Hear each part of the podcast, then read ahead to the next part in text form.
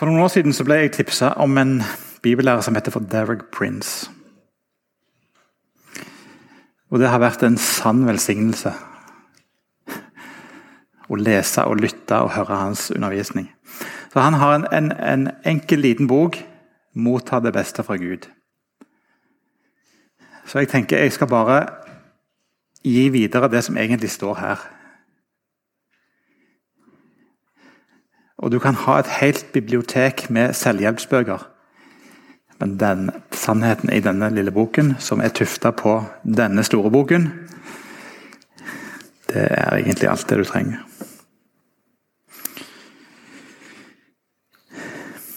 I Matteus 13 så forteller Jesus en lignelse om en såmann som gikk ut for å så. Og Det såkornet han hadde i hånda, det var det var det samme som han sådde ut på alle stedene, men jordsmonnet var veldig ulikt.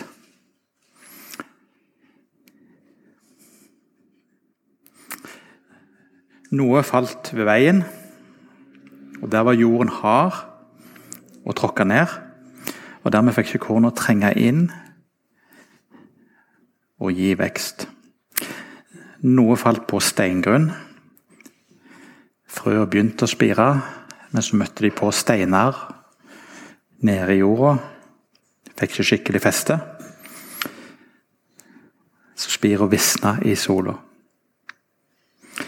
Noe falt blant torner. Tornene og kornet vokste opp side ved side.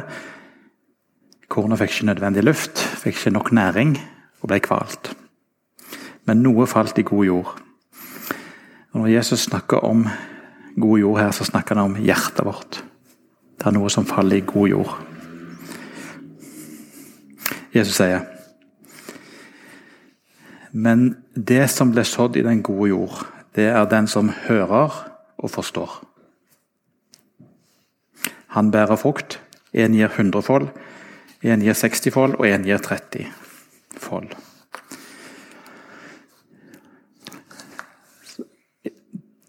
Det er så vidunderlig med det som Jesus sier. For det første Hva kjennetegner den gode jord? Han hører. Ok, han hører. Nummer to han forstår. De hjertene som ligner den gode jorda, de er ellers veldig forskjellige. Men disse to tingene er helt felles for alle. De lytter, de hører, de forstår. Og I en parallelltekst til dette i Lukas 8 så sier han at de som hører ordet, tar vare på det i et vakkert og godt hjerte. De bærer frukt i utholdenhet.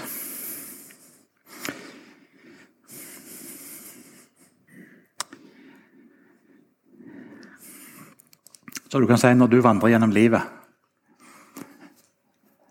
så gjør Gud noe tilgjengelig for deg. Det er der. Og så ser han hvordan responderer du. For Du trenger ikke være i tvil om det at det som Gud vil i ditt liv, det er at han skal frembringe mye god frukt. Det er Guds vilje for livet ditt.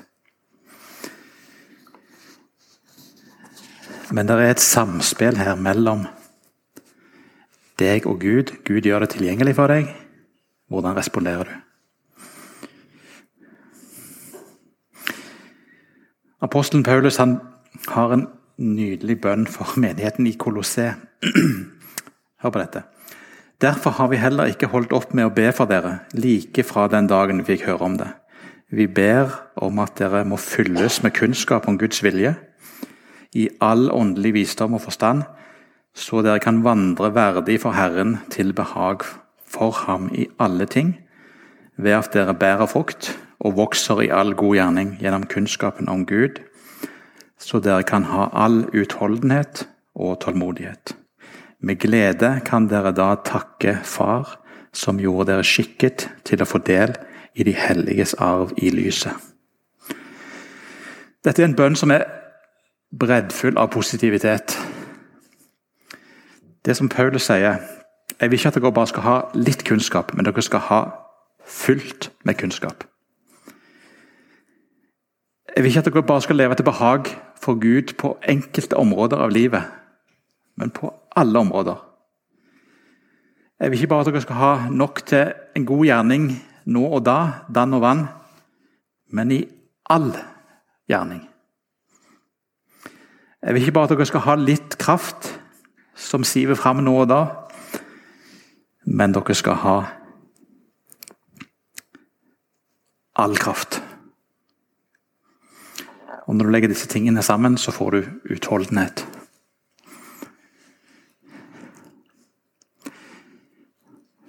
Og så en ting, Hvis du skal ha en skoletime for noen i utholdenhet og skal si nå skal jeg lære deg utholdenhet Hvordan lærer du det? Jo, du holder ut. Sånn lærer du utholdenhet. Du holder ut. Det er egentlig bare én måte å lære utholdenhet på, og det er å holde ut. Så Gud sier at han har gitt oss alt det som vi trenger. Og så er nøkkelen, da. Hvordan gjør Gud det? Det gjør han ved denne boken her. Her har han gitt løfter. Og de løftene de inviterer han deg til å ta imot. så du må ville det.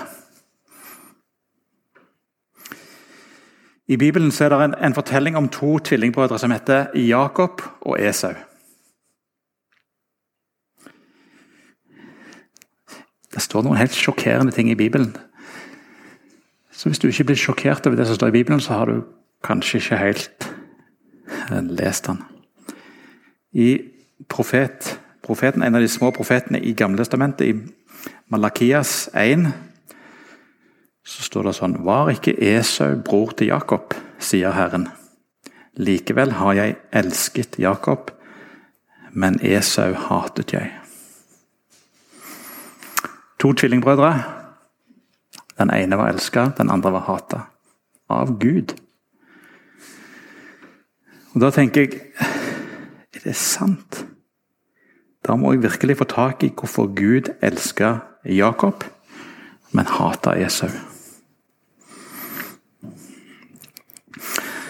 Og Det underlige er jo kanskje at eh, i denne fortellingen så ville Esau vært den populære blant menneskene. For han var en, en tøffing. Han var, drev med jakt, han var sterk, han var sin fars yndling. Jakob han fremstilles som en, en slu rev. En som lurer folk en som farer med bedrag. Likevel så er Guds dom Jeg har elska Jakob og hata Esau. Ok.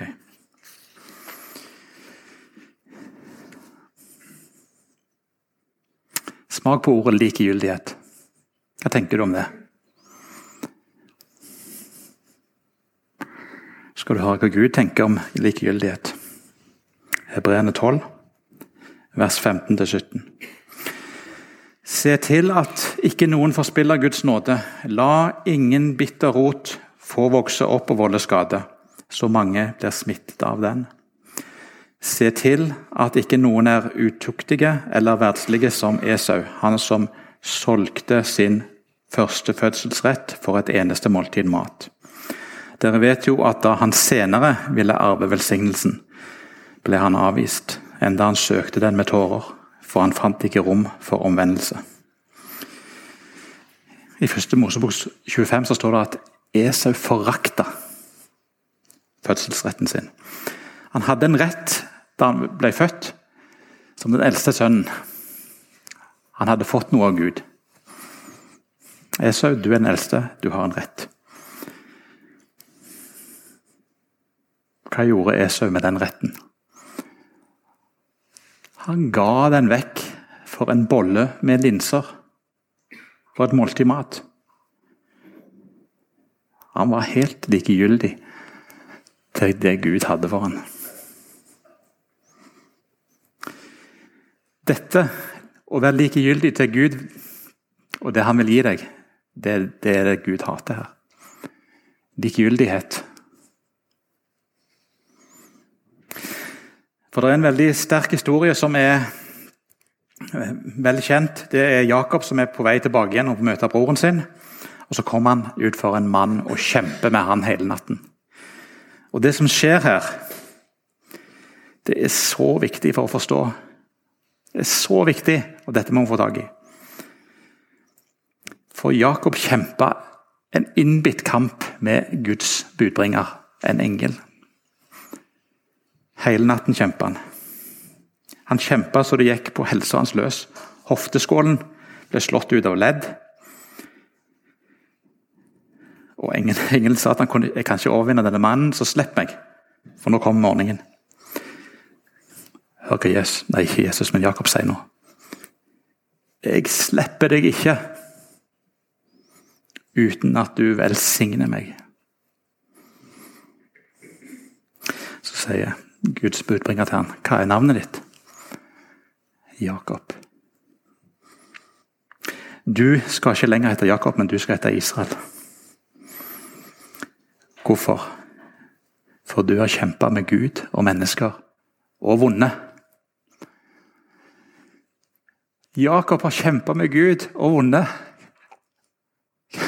Det er jo helt Hva er det du sier her? Han har vunnet i kampen mot Gud. Og hva er det han har vunnet? Hva er premien? Ja, hva var det det sto om? Jeg slipper deg ikke før du velsigner meg. Han vant velsignelsen fra Gud. Jakob sa 'Jeg vil ha det beste for deg, Gud'. Og det fighta han så hardt for at det gikk på helsa løs. Jeg har fighta med Gud i bønn. På et lokalt bedehus borte i Dusavik i Stavanger så var jeg hver morgen i lang stund, to timer, og jeg kjempa med Gud. Aldri om jeg slipper deg ut før du gir meg det som du har for meg. Jeg gir meg alle på det.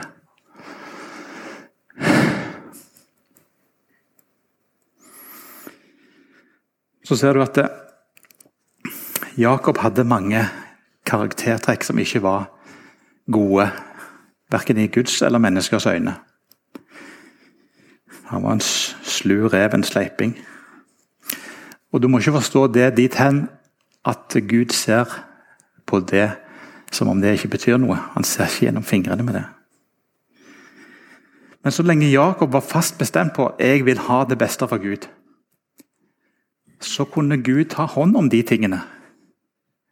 Men for en som er likegyldig til Gud, og ikke lar Gud virke i livet sitt, så kommer han aldri i den posisjonen at Gud får jobbe med bristene og skavankene.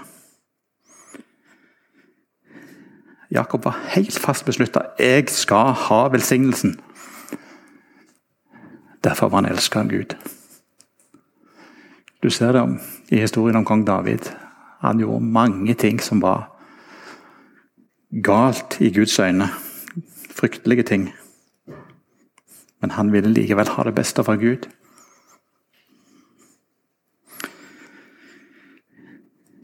Ok, hvis du vil ha det beste fra Gud, hva skal du da gjøre? Hvordan responderer du? Så Derek Prince har åtte ting som han sier. Jeg skal ta fram fem av de. For det første La oss derfor, da vi har en så stor sky av vitner omkring oss, legge av alt som tynger og synden som henger så fast ved oss, og løpe med tålmodighet. Der var det igjen tålmodigheten i den kampen vi har foran oss, med blikket festet på Jesus.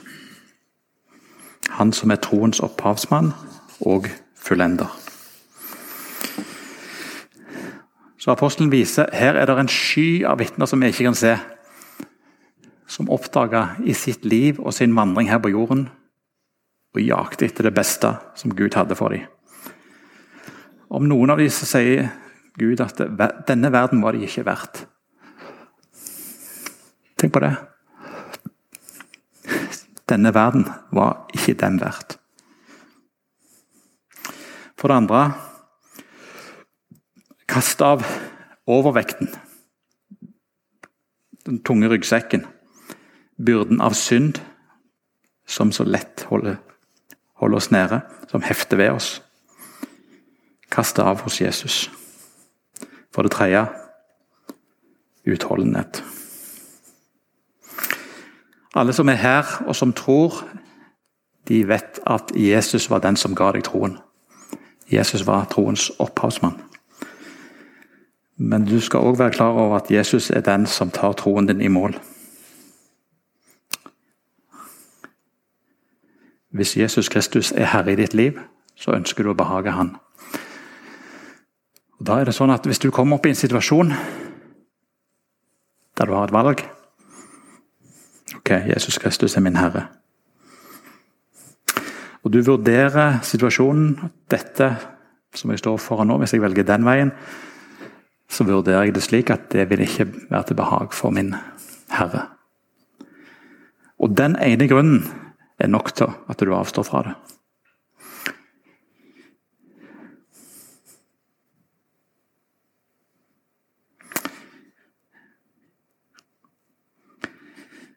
I apostelgjerningene 17, vers 31 står det for han har fastsatt en dag da han skal dømme verden med rettferdighet. Og dette skal skje ved den mann som han har utvalgt til det, etter at han har gitt fullgodt bevis for alle, ved å reise ham opp fra de døde. Så to ting. Gud skal dømme fullkomment rettferdig. Så mor Teresa og Adolf Hitler de kommer til å stå foran der, og begge skal si du dømte helt rettferdig. Helt rettferdig.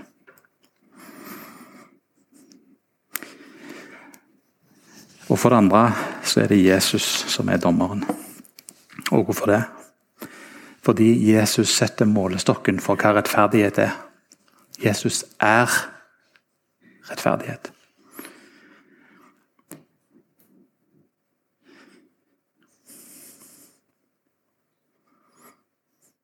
Så evangeliet sitt budskap i denne verden, det er så utrolig enkelt.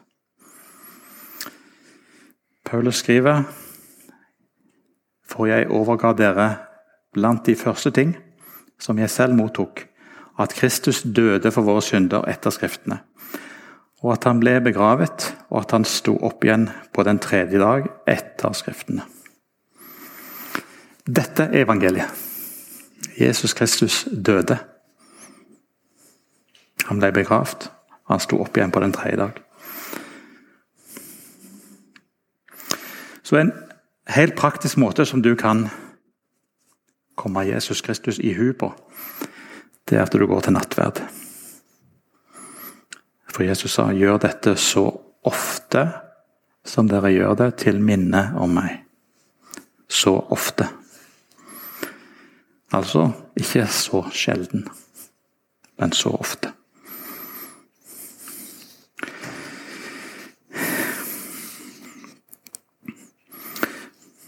Det er en person i Bibelen som på en spesiell måte gir litt gjenklang i mitt liv, og det er Josva.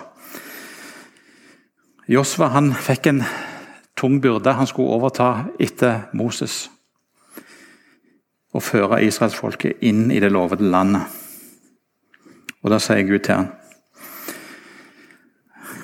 Josva, denne lovens bok skal ikke vike fra din munn. Du skal grunne på den natt og dag, så du akter vel på å gjøre etter det som står skrevet i den. Da skal du ha lykke på dine veier, og da skal du gå klokt fram. Hva høres det ut som? Da skal du ha lykke på dine veier, og da skal du gå klokt fram. Da skal du oppdage det beste fra Gud. Du skal grunne på Guds ord hele tiden. Det skal ikke vike vekk fra din munn. Og du skal akte vel på å gjøre det som står i den. Da skal du motta det beste fra Gud.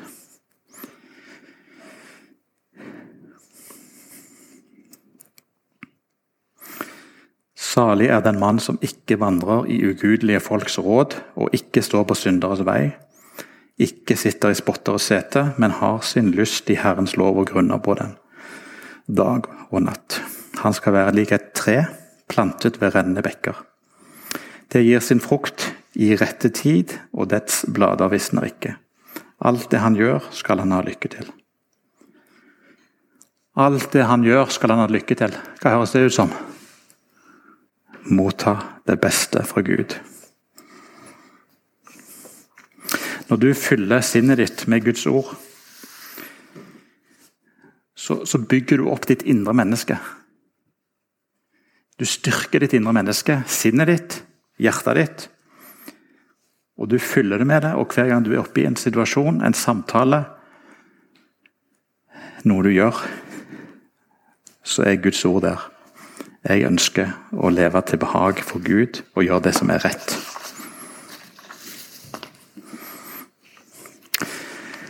Jeg nevnte tidligere at dette med at Bibelen er opptatt av vårt sinn, måten vi tenker på.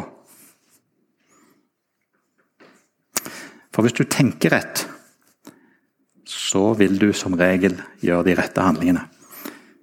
Og tankene styrer den kursen du tar. Nå har jo møtt mennesker som ser ut til å handle før de tenker, da. De handler, og så tenker de etterpå. Det er ikke alltid det er det lureste, for å si det mildt. Hva sier Gud om våre tanker? Og hva sier han om sine tanker? Han sier mine tanker er ikke deres tanker. Deres veier er ikke mine veier, sier Herren. For som himmelen er høyere enn jorden, slik er mine veier høyere enn deres veier, og mine tanker høyere enn deres tanker. Jeg leste tidligere at her sto det at Guds veier er annerledes. De er annerledes. Og det er de.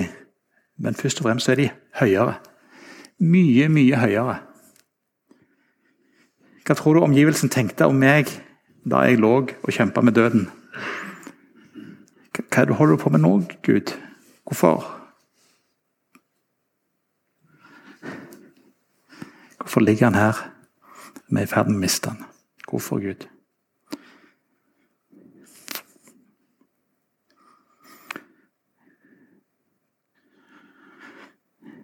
Av og til så må Gud bare ribbe alt vekk fra oss, og at vi Herre Gud, vi er så avhengige av deg. Dine tanker er så ufattelig mye høyere enn våre.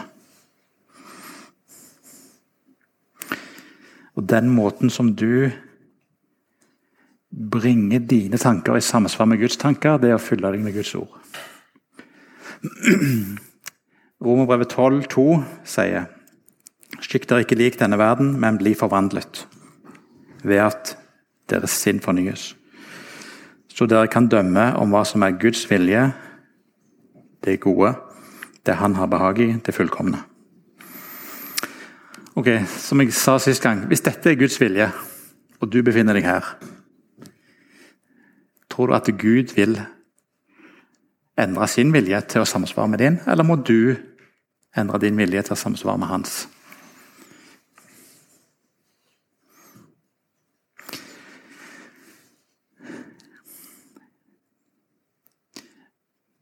Gud sier faktisk her at du kan kjenne min vilje, først den gode, den som han har behag i, den fullkomne.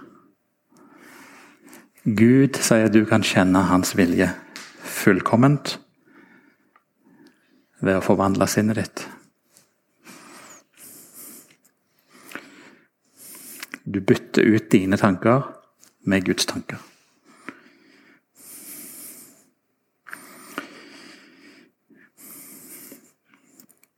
Videre, for å motta det beste fra Gud, gjør Den hellige ånd til din beste venn. I Bibelen så sammenlignes Den hellige ånd med en due. Og vi vet at duen er en sky skapning. Hvis du gjør noe i dens nærvær, så vil han fly vekk. Jeg tror Den hellige ånd er en slik skapning, en, en Gud som kan sammenlignes med skapningen duen. Hvis du responderer feil i Den hellige ånds nærvær, så flyr han.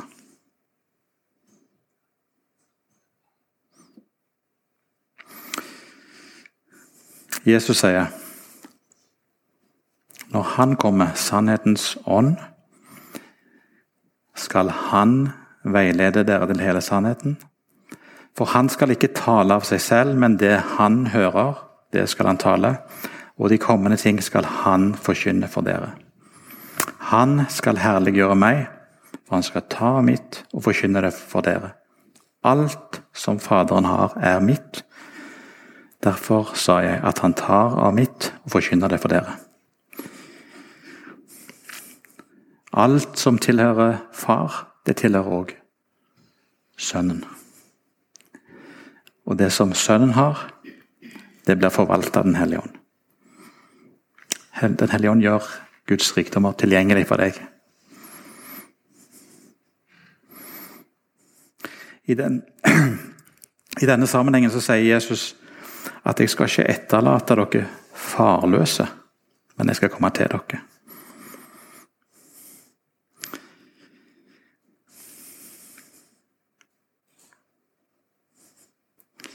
Så inntil Den hellige ånd kommer til deg, så er du praks i praksis farløs, åndelig talt. Jeg skal, men jeg skal ikke etterlate dere farløse. Jeg kommer til dere. For så mange som drives av Guds ånd, de er Guds barn. Så hvis du vil motta det beste fra Gud, så trenger du å utvikle et vedvarende forhold til Den hellige ånd. For han er veilederen. Han forvalter Guds rikdommer, og han gjør de tilgjengelig for deg fordi han bor i deg ved troen.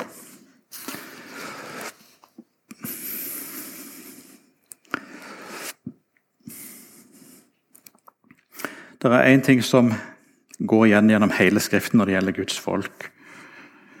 Det er å lytte og adlyde. Denne verden er full av stemmer. Guds stemme den er full av visdom og autoritet.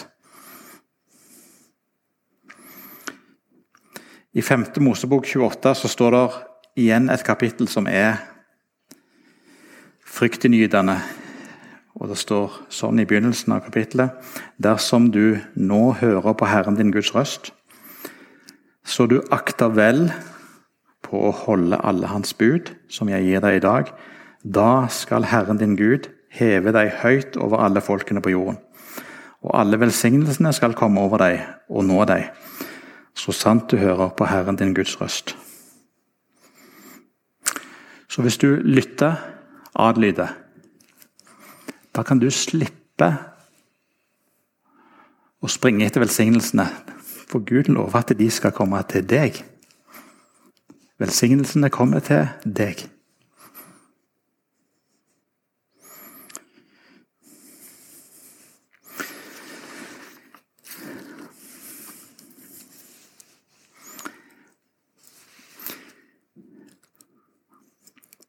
I Johannes 3, 27 så står det et veldig merkelig utsagn. Der står det Johannes sa et menneske kan ikke få noe om det ikke blir gitt ham fra himmelen.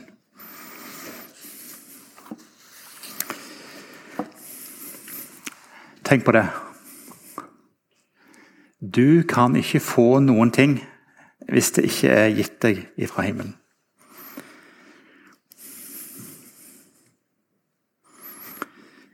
Men det er jo en rekke mennesker som har mye. Og jeg kan jo ikke se at eh, de har fått over himmelen.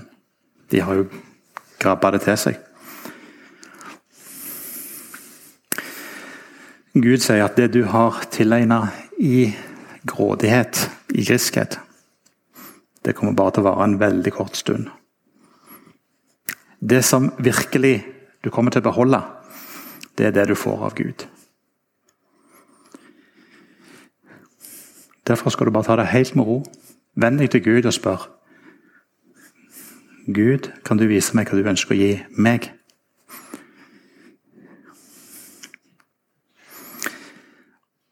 Og Gud sier til Josfa Idet han skal gå inn i landet, så sier han Hvert sted som dere setter foten på, skal jeg gi dere. Akkurat som jeg sa til Moses.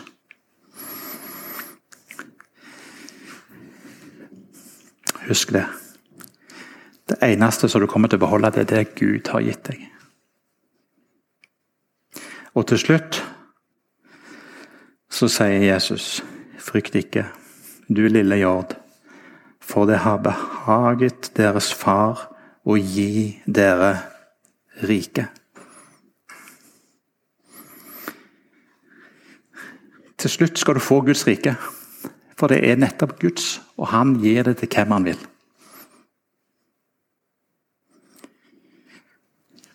Og det er ingen som kommer til å ta det fra deg. Ingen. Fordi Gud har gitt det til deg.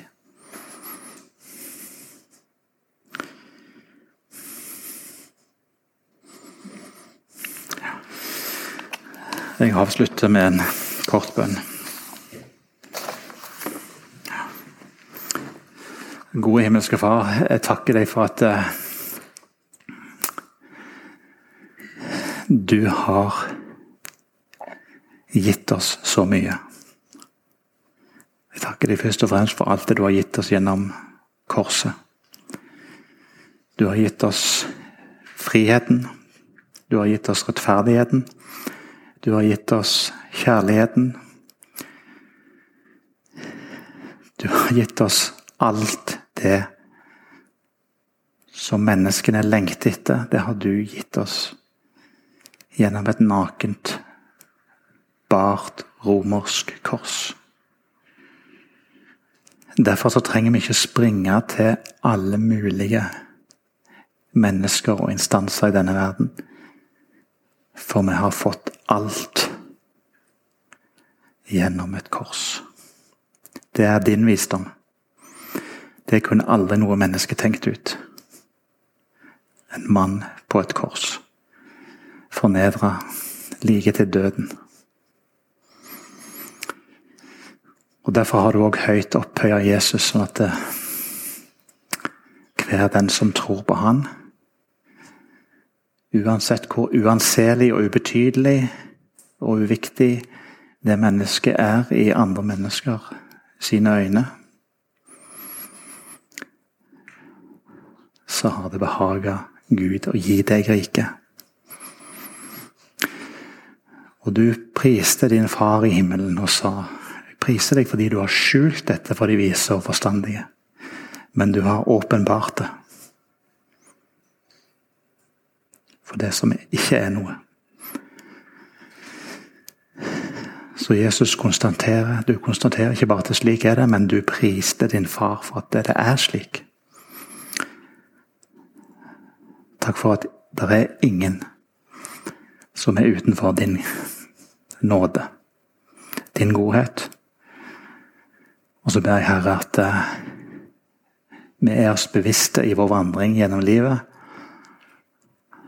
At det som du gjør, tilgjengelig for oss. At vi ser, vi forstår,